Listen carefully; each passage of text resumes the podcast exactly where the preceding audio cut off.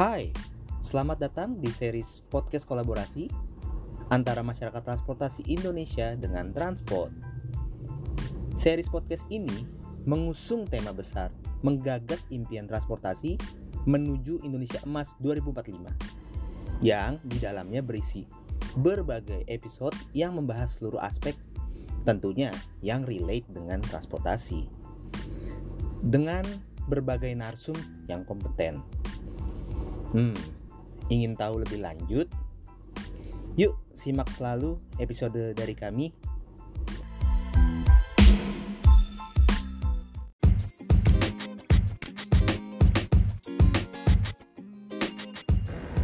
Ya, selamat uh, berjumpa kembali para pendengar Transport Podcast kolaborasi dengan Masyarakat Transportasi Indonesia dan MTI Jakarta. Kali ini kita akan datangan narasumber yang uh, saya juga sebenarnya uh, apa ya uh, surprise gitu. Karena ini narasumbernya benar-benar yang mungkin nggak relate dengan transportasi tapi ternyata mungkin inilah yang kita perlukan gitu ya. Karena dari beberapa podcast yang pernah uh, sudah pernah ditayangkan gitu uh, ada masalah yang sebenarnya sampai dengan saat ini masih belum bisa kita selesaikan dan itu selalu berulang-ulang disebutkan gitu ya. Uh, kalau kita membangun infrastruktur secara fisik, maka seharusnya memang kita juga tidak uh, melupakan bahwa kita juga perlu membangun SDM. Jadi narasumber kita dari uh, Bu Rini. Uh, uh, Ibu Kening Tias kita uh, kita panggil Bu Rini. Ini adalah praktisi pendidikan. Uh, beliau dosen di salah satu universitas uh, negeri ternama di Indonesia. Jadi uh, beliau punya visi yang nantinya akan sangat sejalan menurut saya bagaimana kita memandang Indonesia uh, emas di tahun 2045 dan uh, visi ini memang sejatinya tidak hanya kita bayangkan dalam hal memenuhi kebutuhan masyarakat, kebutuhan masyarakat nanti tentunya di tahun 2045, tapi juga kita mewujudkan generasi seperti apa nanti yang akan membawa Indonesia emas di tahun 2045. Perkenalkan buat pemirsa transport. Silakan Ibu. Eh, selamat sore semuanya. Um, Assalamualaikum warahmatullahi wabarakatuh. Uh, nama saya Rini, gitu ya. Uh, kalau nama lengkapnya mungkin agak susah di spellingnya. Widya Rini Tias. Uh, tadi yang udah Mbak Retno apa namanya perkenalkan gitu ya. Saya adalah dosen teknik sipil di Institut Teknologi Bandung. Kurang lebih gitu aja kali Mbak. Oke Bu. Jadi uh, mungkin kita pengen kenal uh, Bu Rini lebih lanjut ya. Uh, kan memang kami mendapatkan informasi uh, ternyata uh, ini mengembangkan suatu metode, sebenarnya metode pembelajaran untuk mengenalkan transportasi dari sedini mungkin. Dan ini juga merupakan satu hal yang uh, saya uh, saya juga ter, uh, praktisi transportasi, saya juga menyambut ini menjadi salah satu satu salah satu hal yang mungkin uh, terbaik bagi kita gitu ya untuk mulai juga membentuk SDM yang lebih uh, uh, paham gitu ya lebih memiliki pemahaman. Kemudian kita sebutnya gaya bahasa sekarang literasi ya bu ya terkait terkait dengan transportasi. Nah ini uh, boleh nggak bu? Di, di kami di, di share lah ya di share uh, dari pengalaman ibu kemudian juga kan termasuk profesi pendidikan. Bagaimana sih uh, pendidikan itu bisa menyentuh hal-hal yang uh, berkaitan dengan uh, sektor transportasi? Nah ini ini yang mungkin saya uh, bisa honest nggak? Belum pernah di di apa ya belum pernah terjamah sebelumnya gitu ya. Uh, kita tak kita kita uh, pendidikan itu kan satu hal yang bisa kita rasakan ya tapi bentuk yeah. nyatanya apa? Nah inilah yang menurut saya juga selalu satu hal yang penting yang mungkin juga kita bisa belajar di monggo ini oke jadi awalnya sih sebenarnya ini uh, apa namanya salah satu bentuk pengabdian masyarakat ya. Jadi kan kalau dosen itu nggak uh, selain ngajar terus meneliti kita harus juga bikin semacam pengabdian masyarakat. Jadi apa yang udah kita mungkin secara teori berikan ke mahasiswa terus misalnya tambahan dari riset penelitian hasilnya seperti apa. Nah mungkin ada apa ya semacam dampak yang langsung lah yang bisa dirasakan oleh masyarakat. Jadi betul tadi apa yang Mbak Retno uh, apa namanya uh, ungkapkan gitu ya. Jadi kalau kita lihat kan mungkin selama empat tahun terakhir gitu.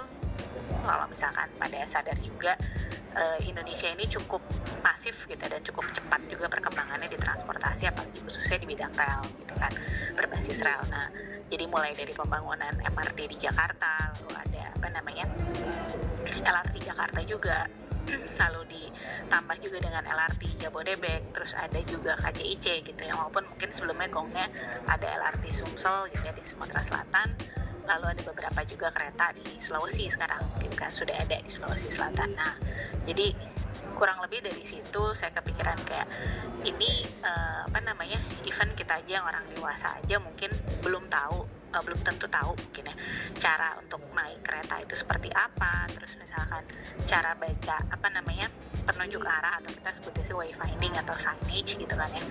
Uh, apa namanya sebenarnya artinya seperti apa dan fungsinya buat apa gitu misalkan seperti itu. Walaupun mungkin kadang-kadang kalau emang yang sudah terbiasa menggunakan itu tuh uh, kadang nggak kerasa gitu. Maksudnya ah kayak biasa aja pakai juga uh, apa namanya gampang kok misalkan gitu kan. Namun yang kepikiran adalah anak kecil gitu atau generasi penerus bangsa lalu juga mungkin uh, apa namanya pengguna baru gitu ya yang mungkin yang istilahnya dia baru uh, step out dari comfort zone dia mungkin selama ini dia terjemput gitu kan terus tiba-tiba dia harus pergi ke ibu kota misalkan kuliah atau kerja dan terus dihadapkan dengan hal-hal yang seperti ini gitu dan itu sebenarnya mungkin bagi pengguna baru sedikit challenging gitu. Nah uh, jadi yang saya pikirkan adalah gimana caranya mengedukasi uh, mengenai tadi ya disebutnya literasi stasiun kereta. Jadi nggak hanya tentang apa namanya keretanya aja gitu kan atau misalkan tadi wayfinding dan segala macam lah. Tapi pada intinya semua diwakilkan dengan literasi gitu. Jadi literation terhadap uh, apa kereta dan stasiunnya uh, tapi terhadap anak-anak gitu. Nah, fokusnya sih saya baru mencoba untuk ke anak-anak usia dini gitu mbak. Jadi kalau apa namanya dipikir kenapa ke anak usia dini mikirnya mungkin lebih paling mudah? Di sini mungkin mudahnya tuh uh, saya sempat dapat kritik gitu dari apa namanya penulis buku anak kecil justru kalau anak kecil tuh paling susah gitu kan. Oh iya betul memang paling susah. Tapi minimal uh, apa ya kalau saya boleh bilang bisa di brainwash dengan mudah misalkan. Mohon maaf bukan yang maksudnya negatif tapi betul betul betul. tapi minimal apa yang kita ajarkan mereka akan menerima secara sponge. Jadi kalau misalkan uh, saya baru tahu juga kalau usia sudah menginjak di atas 9 tahun itu uh, ada masalah terhadap persepsi. Jadi kita akan uh, apa namanya sekitar 9-10 tahun kalau saya dapat infonya tuh. Jadi kita jadinya bergantung sama apa pendapat orang. Jadi kayak salah atau benar mereka masih ah ntar saya dianggapnya salah ntar saya dianggapnya benar dan segala macam lah. Jadi pada artinya sudah mulai menolak informasi. Jadi uh, hasil dari situ saya berpikir ya sudah kita coba di umur 3 jadi TK uh, KB ya kalau kelompok bermain gitu mungkin sampai dengan SD kelas 3 gitu. Jadi kalau range umurnya mungkin dari uh, 3 tahun sampai sekitar 10 sebenarnya lebih sih itu sih mbak itu konsepnya ini menarik banget loh Bu sebenarnya Bu. Karena saya sejujurnya juga kan uh, tahu Bu ini ternyata mengembangkan suatu saya bilang metode baru ya metode baru untuk untuk memberikan apa namanya uh, pengajaran pemahaman gitu ya pemahaman buat anak-anak. Dan uh, memang memang sejatinya uh, kalau uh, kita melakukan itu sedih. Mungkin tadi betul kayak uh, apa disebutkan bahwa sus selalu ngajarin anak kecil gitu ya. Karena, karena mungkin ya itu ya. Uh, tapi memang benar ada ada apa ada kelebihannya di sini karena mereka menyerap itu seperti sponnya bu ya. Bu boleh nggak bu diceritain bu bentuknya bagaimana. Saya sih uh, saya, saya saya sempat tahu tapi mungkin gambarannya seperti apa sih gitu. Baik. jadi uh, sebenarnya kita mau bikin sesuatu yang berbeda gitu. Jadi uh, apa namanya ini tuh alat uh, edukasi tapi berbasisnya bermain. Jadi mungkin juga masih mendukung juga dengan kurikulum Merdeka Belajar ya. Jadi di mana sebenarnya anak uh, kecil sekarang itu tidak diwajibkan untuk misalkan bisa baca atau bisa tulis dan bisa berhitung, tapi bentuknya hanya disisipkan gitu atau dikenalkan. Jadi artinya bukan dipaksakan sebenarnya gitu. Dan jadi bentuknya ini berbasisnya bermain dan hampir semuanya ilustrasinya grafis. Jadi uh, apa namanya bentuknya macam-macam sebenarnya. Jadi mulai dari buku aktivitas di mana si buku aktivitasnya ini dia uh, wipe and clean. Jadi setelah anak-anak coret-coret boleh dia hapus lagi lalu dia kerjakan lagi berulang dan sebenarnya nggak ada kayak apa ya nggak ada guidance yang pakem misalnya uh, saya ada tuh misalnya tracing gitu kan dari stasiun awal menuju stasiun berikutnya lalu ada stasiun akhir gitu kan. Nah, jadi biasanya kan mungkin kalau terkesannya dipaksakan dia harus mengikuti arah dari kiri ke kanan gitu. Nah ini boleh kebalikan. Boleh juga dengan caranya dia sendiri. Tapi pada intinya di situ sebenarnya kita sisipkan ada beberapa hal. Jadi pertama itu konsistensi branding. Jadi uh, kita ingin mengenalkan si kereta atau operator karena kita memang kerja sama juga sama lima operator jadi KAI, uh, PT MRT Jakarta, PT LRT Jakarta, LRT Jabodebek, lalu ada KCIC juga.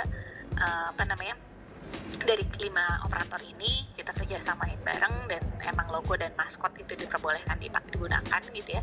Jadi dari situ sih sebenarnya kita pengen mengenalkan ini loh yang realnya ada di lapangan itu akan sama persis bentuknya warnanya brandingnya bentuk logonya dan lain-lainnya lah itu kurang lebih. Uh, dengan apa yang kamu baca di buku. Itu satu. Lalu selain buku juga karena kalau buku itu dedicated ya jadi per anak itu satu buku. Dan saya pikir kadang-kadang mungkin akan jadi sulit kalau misalnya jumlah mas eh sorry bukan mahasiswa mohon maaf di sini anak kecil kebiasaan ngajar mahasiswa. Jadi apa namanya uh, uh, dan justru lebih deg-degan lo ngajarin anak kecil dibandingin mahasiswa. Nah, terus, nanyanya uh, bisa itu ya bu ya? Nanyanya bisa out of the box ya? Nah nanyanya out of the box nanyanya barengan sambil teriak-teriak. Aduh bener-bener keringetan banget deh tapi seru gitu kan. Terus uh, apa namanya? Dan kadang-kadang unexpected juga. Jadi kayak kemarin saya sempat tanya beberapa nama maskot itu yang kita orang dewasa aja mungkin nggak pernah lihat ternyata ada yang tahu dan hafal gitu. Jadi kayak oh keren juga nih ya gitu misalnya anak-anak generasi sekarang gitu kan. Terus uh, udah gitu apa namanya dari uh, selain buku kita juga memperkenalkannya itu lewat uh, papercraft jadi papercraft ini semacam kayak modul gitu ya, untuk apa namanya membuat uh, 3D-nya kereta tapi berbahan dasar kertas. Jadi uh, sebenarnya sih kalau boleh dibilang ini bukan yang kita bukan pioneer ya. Jadi kalau di beberapa di negara yang lain itu sudah ada sebenarnya. Tapi kebanyakan ada beberapa yang bentuknya ada apa mainannya itu menggunakan aplikasi misalkan kayak gitu. Nah kita pengen mencoba masih semuanya uh, berbasis kertas gitu. Jadi bukan berbasis uh, aplikasi atau misalkan gadget. Nah lalu uh, selain papercraft ini kita juga kan kerja sama-sama uh, papercraft expert di Indonesia namanya Ichinogami jadi saya juga surprise juga ternyata oh ada yang buat gitu. Dan dia tuh sampai bisa bikin gundam dari kertas dan skala hmm, satu banding hmm. satu. Jadi keren banget dan ternyata oh ya sudah pas saya kasih dengan yang bentuk kereta kayak gini bagi dia ya udah ini mah gampang banget buat gitu kan. Yeah, padahal yeah. Uh, pada awalnya saya pikir ini akan sulit sekali untuk buat. Jadi bentuknya itu kertasnya agak uh, tebal ya art paper. Terus nanti anak-anak ini nggak perlu gunting nggak perlu lem. Jadi bentuknya tinggal dicabut aja karena sudah dipotong perikat gitu tapi nggak nggak habis gitu. Lalu nanti mereka tinggal uh, namanya lipat-lipat aja jadi kayak origami sebenarnya. Nah itu hmm. nanti berbentuk jadi model uh, 3D-nya kereta. Di situ juga sebenarnya skalatis jadi ada perbandingan misalkan oh ternyata kereta MRT itu lebih panjang dibandingkan kereta LRT jadi informasi ini sebenarnya disisipkan ya. Jadi kalau misalnya anaknya senang mempelajari dia yang akan ngomong sendiri bahwa ih kereta yang ini lebih kecil ya kereta yang biru lebih panjang ya gitu itu. Satu sih itu. Lalu kalau selain itu uh, kita juga kerjasama sama uh, apa namanya Fox and Bunny dia itu pelopor PC book uh, di Indonesia juga. Jadi PC book ini sebenarnya biasanya buat bayi ya mbak. Jadi uh, materialnya itu bahannya polyester jadi kain gitu jadi nggak akan ada kejadian tuh kena paper cut gitu misalkan kayak gitu. Lalu juga uh, apa namanya bisa dicuci ulang dan segala macam jadi nggak akan rusak gitu kan. Kalau anak-anak kecil kan kalau main brutal ya sebenarnya. Nah jadi kemungkinan besar uh, durable gitu dari bahannya sendiri. Uh, nah permainannya ular tangga yang dimodifikasi. Jadi ada biduknya. Biduknya ini maskot-maskot dari operator kereta tadi gitu. Jadi uh, lalu ada apa namanya dadunya juga sama uh, ada kartu flashcard nah jadi biasanya nanti anak-anak udah tahu urutannya uh, apa namanya bebas lah mau pipa atau gambreng atau apalah misalkan gitu kan. Terus uh, mereka udah dapat urutan nanti mereka ngelempar dadu oh dapat berapa langkah nih? Lalu mereka maju gitu kan menggunakan biduk yang udah mereka pilih. Nah misalnya nanti dapat di apa di permainan luar tangga itu ada gambar kereta nih gitu. Nah dari situ mereka boleh ngambil flashcard nah flashcardnya ini itu uh, pertanyaan. Jadi bentuknya kayak quizzes kayak trivia quiz gitulah di mana sebenarnya kita kayak menanyakan ini kamu tau nggak nih logo apa? Atau ini tau nggak maskot apa? Selain konsistensi branding yang kita ajarkan itu ada tentang uh, apa namanya uh, safety keselamatan lalu uh, larangan jadi rambu-rambu larangan lalu apa yang boleh dilakukan dan tidak boleh dilakukan jadi semacam ethics gitu ya kurang yeah. seperti itu uh, uh, apa namanya jadi kita menanyakan juga ke mereka gitu. Dan ternyata sih setelah dicoba uh, gampang banget bagi mereka untuk apa namanya karena ilustrasi grafis ya. Jadi bukan ada tulisannya memang tapi maksudnya uh, tulisan ini justru panduan untuk gurunya gitu atau pendamping. Hmm. jadi kita nggak memaksakan mereka ngebaca. Dan ternyata dari hampir beberapa kali saya coba main sama anak-anak mereka semuanya bisa jawab gitu. Kecuali mungkin beberapa yang kayak misalnya logo operator maskot operator. Nah itu mungkin agak sedikit. Kalau belum familiar mungkin belum belum bisa jawab. Nah nanti kalau mereka bisa jawab mereka boleh nambah dua langkah gitu ya. Dan pas cepet-cepet lah siapa yang menang paling cepat nyampe atau misalnya paling banyak dapetin kartunya gitu. Kurang lebih sih itu dan kemarin kita sempat gabung sama kota Jakarta kan ya uh, untuk di, di apa inovasi kota yang berkelanjutan gitu uh, masuk ke pameran Jakarta Innovation Days gitu. Nah di situ juga sempat tuh kita ajakin semua visitor yang datang ke booth untuk nyobain main. Jadi nggak cuma anak TK gitu dan mulai dari orang Indonesia sampai orang bule juga ikutan main dan uh, benar-benar pada kayak susah kan pertanyaannya gitu. ada orang dinas juga dan segala macam dan ternyata ya ya maksudnya mereka juga kayak ada yang saya bisa baru tahu gitu. Oh baru tahu ternyata gitu ya gitu. Jadi contohnya misalkan beberapa kan kereta MRT atau LRT uh, itu tidak diperbolehkan makan dan minum misalnya. Nah itu ada beberapa yang masih belum tahu sebenarnya gitu. Oke, menarik ya Bu ya. Berarti ini juga sudah sebenarnya sudah diuji cobakan ya? Sudah, sudah, sudah. Sudah uh, beberapa terus, sekolah, sudah beberapa komunitas. Oke, nah artinya kan gini ya Bu ya. Uh, sebenarnya kalau kita ngomong pendidikan mau tidak mau juga kan uh, harus kalau ingin diformalkan berarti kita harus menggandeng ke pemerintah gitu ya Bu. Betul. Nah, itu udah sampai itu itu bagaimana Bu prosesnya? Maksudnya uh, ke depan kan pasti Bu Rini gitu ya pengen ini menjadi satu hal yang kita juga uh, pelajari gitu ya dipelajari oleh anak-anak dengan skala yang lebih luas lagi jadi bukan Betul. coba. Nah, udah pernah coba belum Bu untuk penetrasi mungkin ke pemerintah nah bagaimana dengan prosesnya sampai dengan tahap apa sih prosesnya saat ini? Monggo Bu. Jadi kalau untuk uh, apa kejarannya ya uh, final goalsnya itu adalah masuknya ke kurikulum mbak. Jadi kalau kita itu baru ada namanya salut jadi sadar akan uh, lalu lintas usia dini. Nah tapi itu fokusnya di lalu lintas. Jadi uh, apa namanya safety terhadap pedestrian terus uh, angkutan umum bagaimana cara naik angkutan umum tapi baru mungkin semacam kayak di angkot atau di bis gitu kan. Dan itu simple sih sebenarnya cuma kayak naik atau turun gitu aja. Lalu pengertian rambu lalu lintas yang tapi uh, lebih fokusnya ke arah kalau dia akan menjadi driver gitu kurang lebih seperti itu. Nah uh, kejarannya sih sama jadi pada prinsipnya sama jadi pengennya kalau bisa masuk ke kurikulum seperti itu dan kejarannya sampai kurikulum nasional cuman otomatis nggak mudah karena tadi jadi saya pun ini sempat dapat banyak kritik sekali gitu kayak ngapain sih ngajarin anak kecil? gitu. Toh juga mereka nggak besok langsung naik kereta gitu satu itu. Terus kalau nggak uh, ngapain sih kita ngajarin dari sekarang kalau sekarang kapal logo sama maskot uh, berapa belas tahun lagi juga mereka akan lupa gitu. Uh, padahal maksud saya sih sebenarnya lebih kayak ya kalau kita nggak ngajarin benda yang sebenarnya buku kereta api juga banyak sebenarnya di toko buku gitu kan. Tapi kan anak kecil akan lebih paham misalnya kayak uh, apa namanya oh kalau sama bentuknya apa yang mereka baca dan apa yang mereka pelajari lalu pas lihat di lapangan sama persis gitu kan bentuknya kurang lebih kayak gitu. Nah uh, sama juga ada yang kayak mengkritik ngapain gitu ngajarin anak kecil naik kereta? Kita aja orang dewasa aja nggak berani naik kereta gitu. Umpel-umpelan di KRL nggak safety nggak ini dan lalala dan banyak sekali. Tapi pada intinya tadi kan jadi ya kalau kitanya maunya setback gitu jadi melihatnya hanya ke arah belakang tidak mau melihat ke arah depan ya pasti seperti itu gitu kan. Nggak mau keluar dari comfort zone. Jadi pada intinya sih uh, apa namanya kejarannya adalah kurikulum dan kalau ini saya lihat stepnya memang agak sedikit ngejelimet mbak. Jadi ini tuh mau melewat ranahnya siapa? Dimasukinnya melewat hmm. siapa? Jadi uh, pertama kan saya ini uh, uh, masukinnya lewat uh, Kementerian uh, Ristek ya Ristek Budaya dan Teknologi okay. kan. Okay. uh, jadi uh, mengajukan dana lewat situ. Tapi sepertinya goalsnya hanya bisa ya sudah dapat dana implementasi dan dan gitu. Kalau saya ngeliatnya gitu. Jadi ini nggak bisa ke mana-mana lagi gitu. Akhirnya makanya kemarin uh, saya coba ganti kota Jakarta mau nggak nih lewat dinas perhubungannya kita cobain masukin ke Guangzhou Award gitu. Di mana biar ini tuh terlihat bahwa apa uh, apa ya exposure-nya bertambah ya, Bu ya? exposure-nya bertambah dan mungkin value-nya juga ada ya ada tambahan gitu dan mungkin jadinya orang jadi oh berarti penting nih kalau dianggap oleh orang lain kurang lebih seperti itu. Dan akhirnya sih kita masukin ternyata alhamdulillah masuk 15 besar gitu kan. Jadi sebenarnya sih kalau boleh cerita juga uh, dulu tuh ini cikal bakalnya itu saya masukin dapat uh, short course mbak dari Australian Award.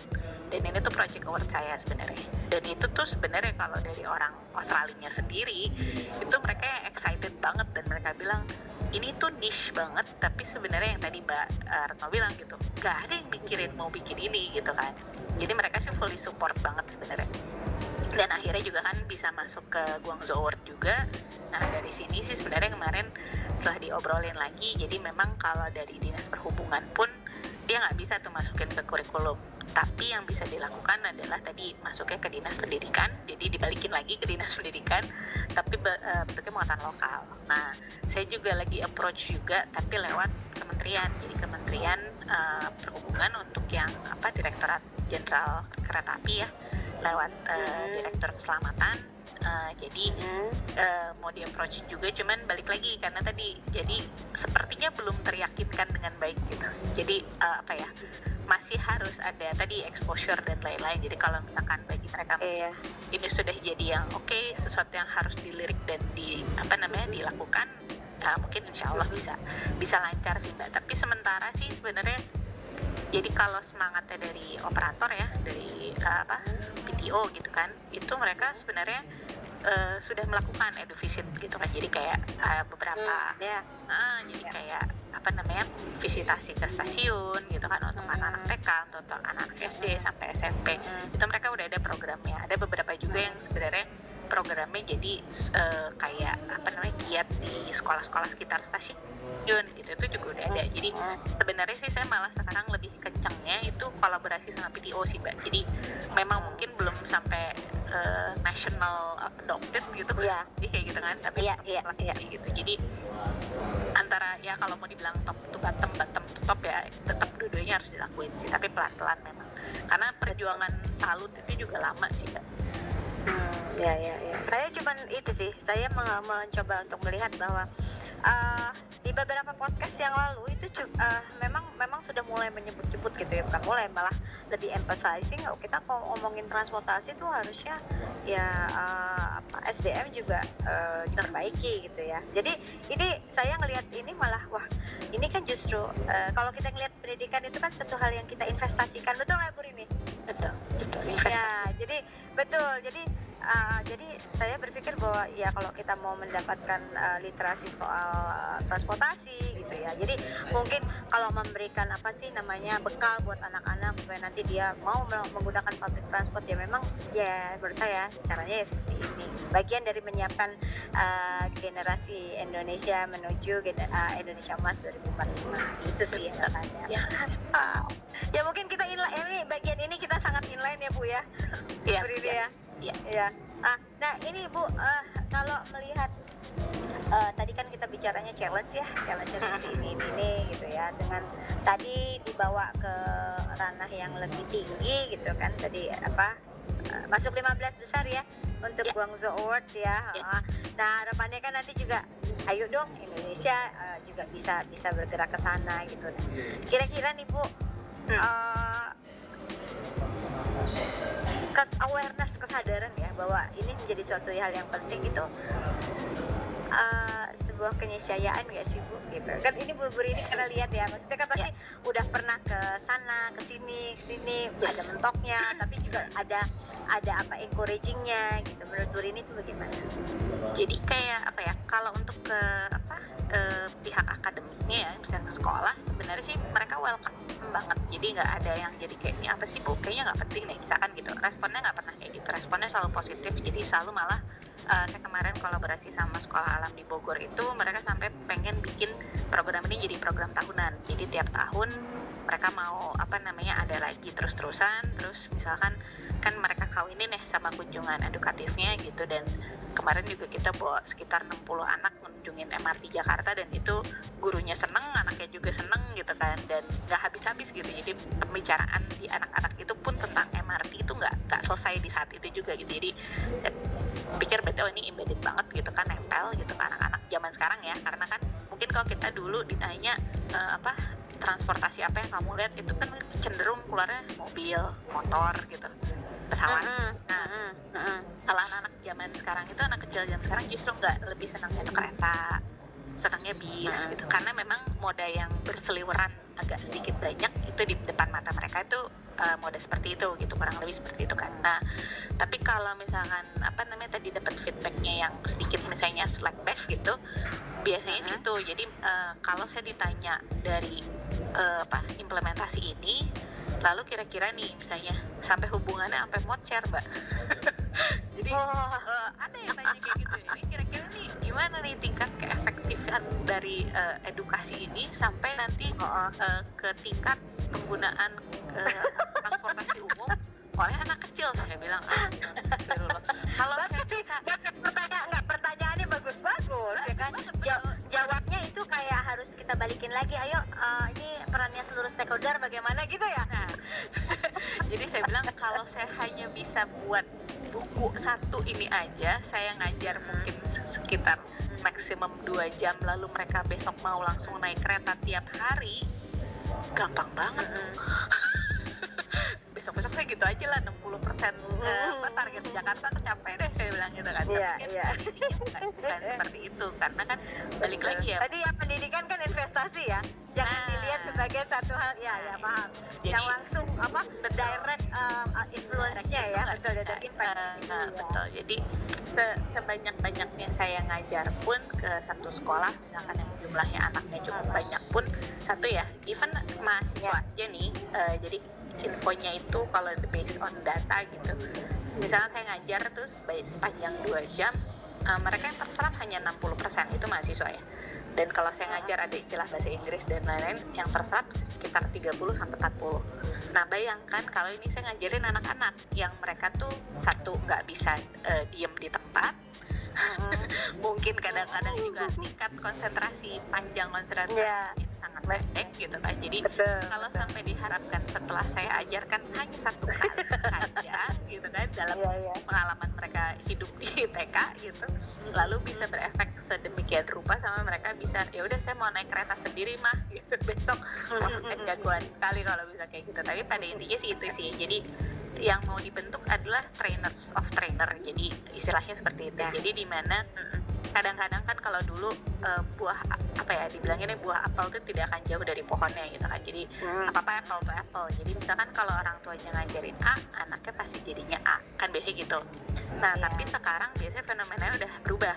Kenapa? Karena waktu durasi apa orang tua dengan anak itu justru menurun hmm Jadi kayak uh, karena kan orang tua biasanya sekarang sudah pasti dipastikan bekerja ya, mau itu mau itu ayah, ya, ya, ya. Tidak dimaklumi karena saya pun begitu. Jadi pada intinya adalah waktu durasi bersama dengan anak dan bentuknya yang mengedukasi anak itu dari 24 jam hmm akan sangat berkurang sekali. Mungkin benar-benar tinggal sisa setengah jam kali yang full gitu kan, full dedicated. hmm Jadi pada artinya adalah kalau ibunya dan bapaknya tidak bisa mengajarkan, nah maka anak ini mau belajar dari siapa? Nah jadi e, misinya adalah tadi kalau misalnya bisa membuat anak-anak ini menjadi tertarik dengan angkutan umum dan naik angkutan umum public transport dan mereka jadi trainers of trainer dari adult jadi dari orang dewasa. Jadi kalau misalkan kayak orang dewasa saya sering banget kalau naik stasiun MRT atau LRT gitu masih aja nemu orang yang berdiri di depan pintu PSD Padahal oh, ya, ya, harusnya sampingnya itu sebelah kanan dan kiri gitu kan. Hmm. atau misalkan masuk lift keluar lift itu nggak mau nunggu untuk penumpang yang turun terlebih dahulu. Sesuatu yang simpel sebenarnya tapi di anak-anak kemarin sepanjang saya mengajarkan ke mereka mereka bisa jawab dengan baik dan benar. Padahal baru ketemu saya hari itu saya selalu bilang wow. ini kalau misalkan sebenarnya sejatinya mereka itu tahu mana yang benar dan salah dan ujung-ujungnya mereka nanti yang ngomong gitu kan bahwa uh, apa namanya bu itu salah pak itu salah gitu kan. Dan itu keluar dari mulut anak kecil kan lebih malu ya sebenarnya. Jadi itu sih gitu uh, iya jadi proses edukasinya agak berubah ya agak berbeda ya.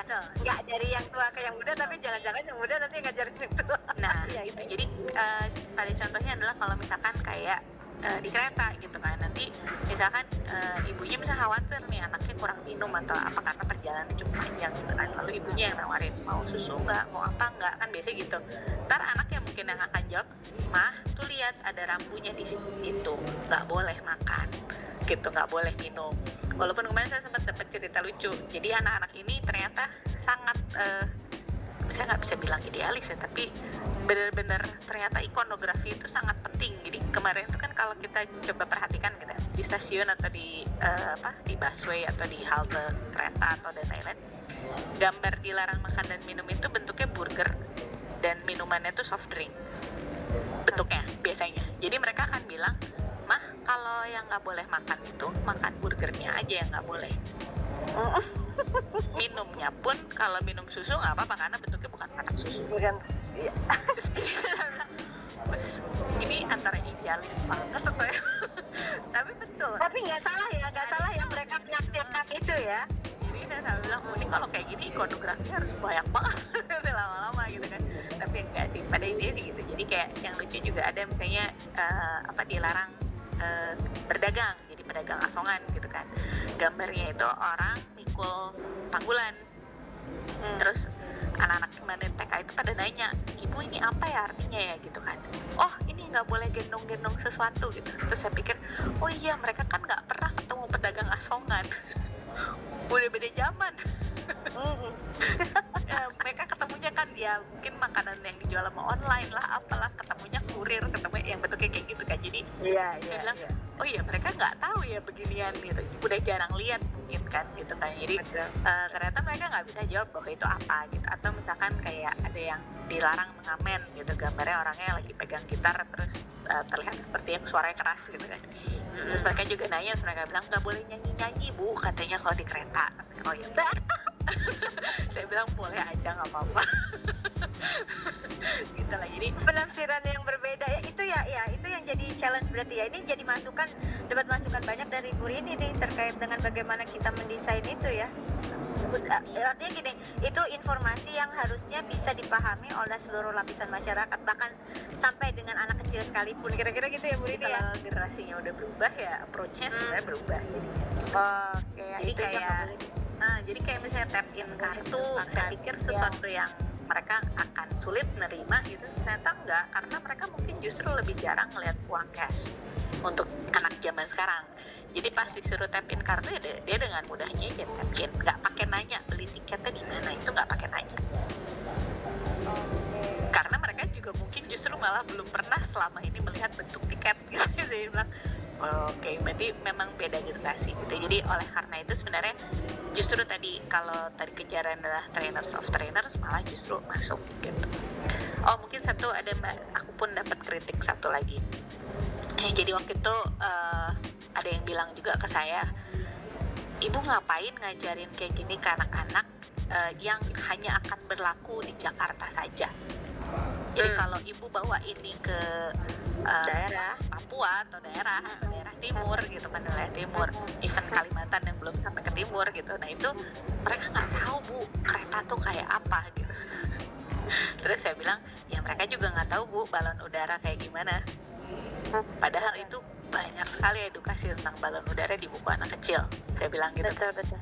Even uh, rocket space pun saya aja nggak pernah lihat tapi itu banyak banget tentang astronot dan rocket space saya bilang jadi bahkan baling baling baling bambu aja ada ya ya nah itu ya siapa yang nggak tahu baling baling bambu gitu kan Nah, oh, oh. pada intinya saya bilang ya kalau kita hanya berpikir bahwa sesuatu yang mungkin di sana nggak ada dan nggak bisa diajarkan justru malah harusnya ini bisa membuka jendela ya bagi mereka akan buku itu Betul, adalah betul. jendela dunia gitu kan di mana betul mereka mungkin akan bermimpi oh saya pengen deh ke Jakarta atau mungkin ke kota yang Ya. Betul. lain gitu ya mohon maaf memang karena banyak kan konsentrasinya di Jakarta ya. Pembangunannya kan tapi ini kan sebenarnya sudah mulai bergeser ke sana kemari gitu kan. Jadi seru nih. Jadi akhirnya saya bilang ya sebenarnya sih nggak ada masalah juga. Justru malah nanti kalau anak-anak ini bisa bermimpi dan minimal mereka bisa tahu gitu dan bentuknya sudah sesuai dengan yang aslinya dan ya apalagi kan kayak LRT Jabodebek pun hasil karya bangsa ya dengan apa pun kekurangan yeah. dan kelebihannya tapi pada intinya itu sudah karya bangsa jadi kalau saya pikir sih eh, nggak uh, ada yang menghambat sebenarnya mbak malah justru saya dapat feedback yang jauh lebih besar itu adalah insya Allah tahun depan udah ada yang mau on board nih tapi bentuknya oh. mode transportasinya lain jadi kita mau ngerambah bus rapid transit uh, ya terbesar di Jakarta otomatis Transjakarta lalu beberapa juga di Temandes ya. Jadi Temandes kan itu di 10 kota. Kita juga mau propose juga jadi biar sekalian bukunya edukasi jadi satu. Jadi nggak cuma kereta aja nih. Nanti kalau kereta udah beres bis udah beres ya kalau mau angkot juga sebenarnya nggak ada masalah. Karena angkot pun sekarang Betul. sudah mulai uh, shifting. Jadi sudah mulai revitalisasi kan di mana beberapa di kayak malah bukan di Bandung loh mbak. Jadi kayak kalau Jakarta kan ada mikrotrans ya. Tapi kayak di Semarang di Solo itu mereka sudah pakai cashless angkotnya. Jadi bentuknya feeder. Betul. nah jadi kayak di Bali juga sebenarnya sekarang udah ada. Jadi pada intinya mungkin kadang-kadang kita aja yang mungkin ketinggalan info gitu kan. Nah gitu sih. Padahal sebenarnya di sebelah sana sudah jauh lebih maju dibandingkan di sebelah sini betul betul betul. Setuju banget bu. Memang kalau yang namanya kita ngomongin pendidikan itu ada visi yang jauh ke depan. Setuju ya bu ya? Yes. Betul. dan itu yang yang itu yang nggak bisa kita uh, saya hanya tahu di sini saya berdiri di sini dan saya tahunya hanya di sini. Yeah. dan itu yang yang artinya kita tidak kita tidak membuka diri kita ya untuk tahu lebih banyak ya. Itu itu yang sebenarnya yang diharapkan ya maksudnya ke depan gitu ya kita bicaranya apalagi tadi ngomongnya iya sekarang tapi bagaimana kita meneropong di Indonesia tahun 2045. Nah, it can be something pada saat ya. tahun 2005. Dan kalau ngeliat dari rencana induk perkeretaapian nasional kan juga sebenarnya nanti di seluruh pulau udah ada mbak. Jadi kalau di Sulawesi eh sorry Sumatera kan Aceh juga udah punya uh, Sulawesi Selatan udah punya LRT ya. Kalau Aceh kan masih hmm. kereta biasa. Se Sulawesi Selatan juga udah ada KAI di sana. Nanti IKN kalau pindah pun udah ada LRT di sana nanti. Dan ya, uh, apa ya. namanya Bali juga sebenarnya udah mulai ada LRT kalau Papua mungkin memang paling sulit karena memang ya apa namanya tirene nggak memungkinkan sebenarnya kan itu kan. Bukan iya betul. mampu. bukan karena nggak mampu. Betul iya. Jadi mungkin kan kalau kita melihat infrastruktur juga kan kita juga harus melihat kearifan lokal ya bu ya. Betul betul. Nggak nggak apa-apa semuanya kita impor juga. Jadi cocoknya apa di situ. Tapi uh, terkait dengan pendidikan gitu ya. Pengetahuan ya pengetahuan wawasan pendidikan. Maksud saya sih ya sebesar besarnya itu kita bisa memberikan manfaat kepada orang lain. Ya pengetahuan itu ya ya why not? Ya bu ya? Yes betul sekali Oke, okay, aduh menarik sekali ini Bu Rini. Uh, saya sebenarnya sejujurnya jarang-jarang banget gitu ya. Mungkin kita mentouch uh, apa ya sektor pendidikan gitu, tapi kaitannya dengan transportasi ini suatu barang langka nih. Karena biasanya kita ngomongin yang lebih gimana sih cara bangun jalan, gimana sih cara bangun infrastruktur lebih seperti itu gitu. Kadang ya bukan kadang, kebanyakan jadi lupa bahwa ini loh ada software-software juga gitu yang kita juga harus apa namanya harus bangun gitu ya. Yang ya saya percaya bahwa waktunya juga nggak sebentar. Tapi ya itu bukan hal yang harusnya menjadi satu isu ya. Tapi itu ya harusnya di embrace gitu loh. Bahwa uh, ya ngomonginnya sustainability 20 tahun 20 tahun lagi. Kita saya sih udah mungkin nggak di sini. Dan 20 tahun lagi nanti akan ada generasi-generasi muda kan yang baru yang akan di yang ada di ya yang akan meneruskan itu semua kira-kira. Bu kalau boleh kami diberikan apa ya uh, semacam uh, insightnya ibu gitu terkait dari konteks pendidikan transportasi bagaimana rele relevansinya di tahun 2045 harapannya ibu seperti apa monggo bu oke okay. Mungkin ini sih sebenarnya kalau tadi dibilangin shifting generation gitu sebenarnya di dunia pendidikan transportasi juga shifting ya mbak. Jadi kalau dulu itu semua bentuknya car base. Jadi uh, car base teori lah car base design. Semua bergantungnya dengan lalu lintas biasa gitu. Nah, cuman kalau saya dari kemarin melihat uh, apa namanya beberapa ada narasumber dari Korea dari Australia dari mana uh, ternyata dunia memang sudah shifting gitu. Jadi semua ini berbentuknya people based design. Jadi even sampai yang kemarin itu sempat dapat award itu bentuknya 15 minute city. Jadi di mana satu kota itu harus bisa terjangkau dalam kurun waktu 15 menit by walking. Jadi atau berjalan kaki gitu dan itu justru jadi mulai mulai dikembangkan di beberapa kota uh, maju gitu ya. Mungkin kan kalau mereka mungkin dari segi ekonomi budaya pendidikan dan mungkin misalkan sudah cukup di, dibuat seperti itu pun masih memungkinkan gitu. Kalau di kita kan mungkin masih thriving ya. Jadi kayak rumah di mana tempat kerja di mana sekolah di mana mungkin masih seperti itu. Tapi pada intinya adalah eh, nggak uh, memungkiri hal tersebut akan terjadi sebenarnya. Jadi uh, kalau misalkan dulu kita start transportation itu by walking mungkin nanti kita end up pun sebenarnya by walking gitu. Jadi itu yang saya percayain. Jadi uh, pada intinya adalah uh, sekarang yang justru malah lebih harus diperhatikan adalah orang berjalan kaki karena sekarang pun orang berlomba-lomba untuk menjadi sehat. Uh, apalagi sejak covid kemarin gitu kan. Jadi uh, orang jadi mungkin sudah mulai berpikir ulang bahwa kalau setiap saat nyaman saja menggunakan uh, apa namanya moda uh, pribadi gitu kan di mana mereka nggak jadi exercise sama sekali gitu kan. Dan kalau menggunakan public transport justru tidak secara langsung mereka pun exercise dengan berjalan kaki gitu kan kurang lebih itu. Mungkin lari sedikit kalau ngejar keretanya terlambat gitu atau dan lain-lain gitu. Tapi pada intinya sih itu. Jadi uh, 2045 jangan heran uh, nanti misalkan hampir semuanya akan berbasis sustainability gitu kan. Jadi uh -huh, kita sekarang aja udah lihat ya mbak uh, apa mobil sampai kalau EV pun disubsidi gitu kan. Karena memang ya kondisinya begitu fossil fuel memang akan akan habis pada waktunya sendiri gitu. Jadi mau uh -huh. tidak mau lalu juga climate change dan segala macam otomatis kita juga sudah harus bisa jadi orang yang pro environmental uh, apa namanya behavior gitu perilakunya sudah harus mendukung sangat apa mendukung sekali terhadap iya, lingkungan. iya. jadi ya agent of change adalah kita sendiri gitu kan kurang lebih seperti itu. Jadi ya kalau misalkan bisa berkontribusi dalam bentuk sekecil apa pun salah satunya dengan naik transportasi umum ya itu arahannya sih seperti itu gitu sih. Jadi kalau hmm, kalau misalnya dipikir susah betul susah karena naik transportasi umum itu kita pasti akan jadi orang. Saya dapat hari ini tadi pagi akan menjadi orang yang lebih sabar. Jadi ada salah satu dosen Pak Sony namanya WA gitu kan. Ini salah satu hmm. benefit untuk orang yang senang dengan angkutan umum gitu akan jadi lebih sabar akan uh, lebih tolerant tolerate gitu. Tolerate ya betul. Karena kita berbagi ruang ya bu ya betul. dengan orang lain betul ya? senang dan betul, tapi justru uh, di lain itu kita berinteraksi sosial gitu di mana yang hmm. uh, nggak akan kita dapetin dengan kalau kita menggunakan moda pribadi uh, kurang lebih seperti itu. itu Wah, sih keren nih. Keren keren bu keren. Ya jadi approach-nya approach yang luar biasa ini uh, Bu Rini. Uh, konteksnya pendidikan kemudian transportasi. Ya tadi kita ngerubah paradigma sebenarnya ya Bu ya. Yang memang kita tahu bahwa itu tidak akan dilak uh, tidak akan terjadi dalam waktu dekat. Tapi gitu ya kita meneropong di Indonesia emas tahun 2045 itu akan terjadi. Gitu ya Bu ya? Amin amin. Oke Ibu Rini terima kasih banget Bu sharingnya. Ini bagus banget menarik banget dan saya harap juga uh, kebetulan transport ini timnya juga anak-anak yang gadget ya kalau saya bilang ya. Anak-anak baru. Harapannya ini kan juga kita bisa teruskan nanti ke ke, ke depan gitu ya. Ya nanti uh, mereka jadi apa pemimpin-pemimpin bangsa ya. Yes. ya Bu ya. Jadi mereka juga mengingat ini bahwa ya ini satu proses yang uh, berkelanjutan. Enggak nggak boleh lelah kita melakukan ini dan ya semuanya datang dari hal yang kecil yang sederhana. Kira-kira gitu ya Bu Rini ya.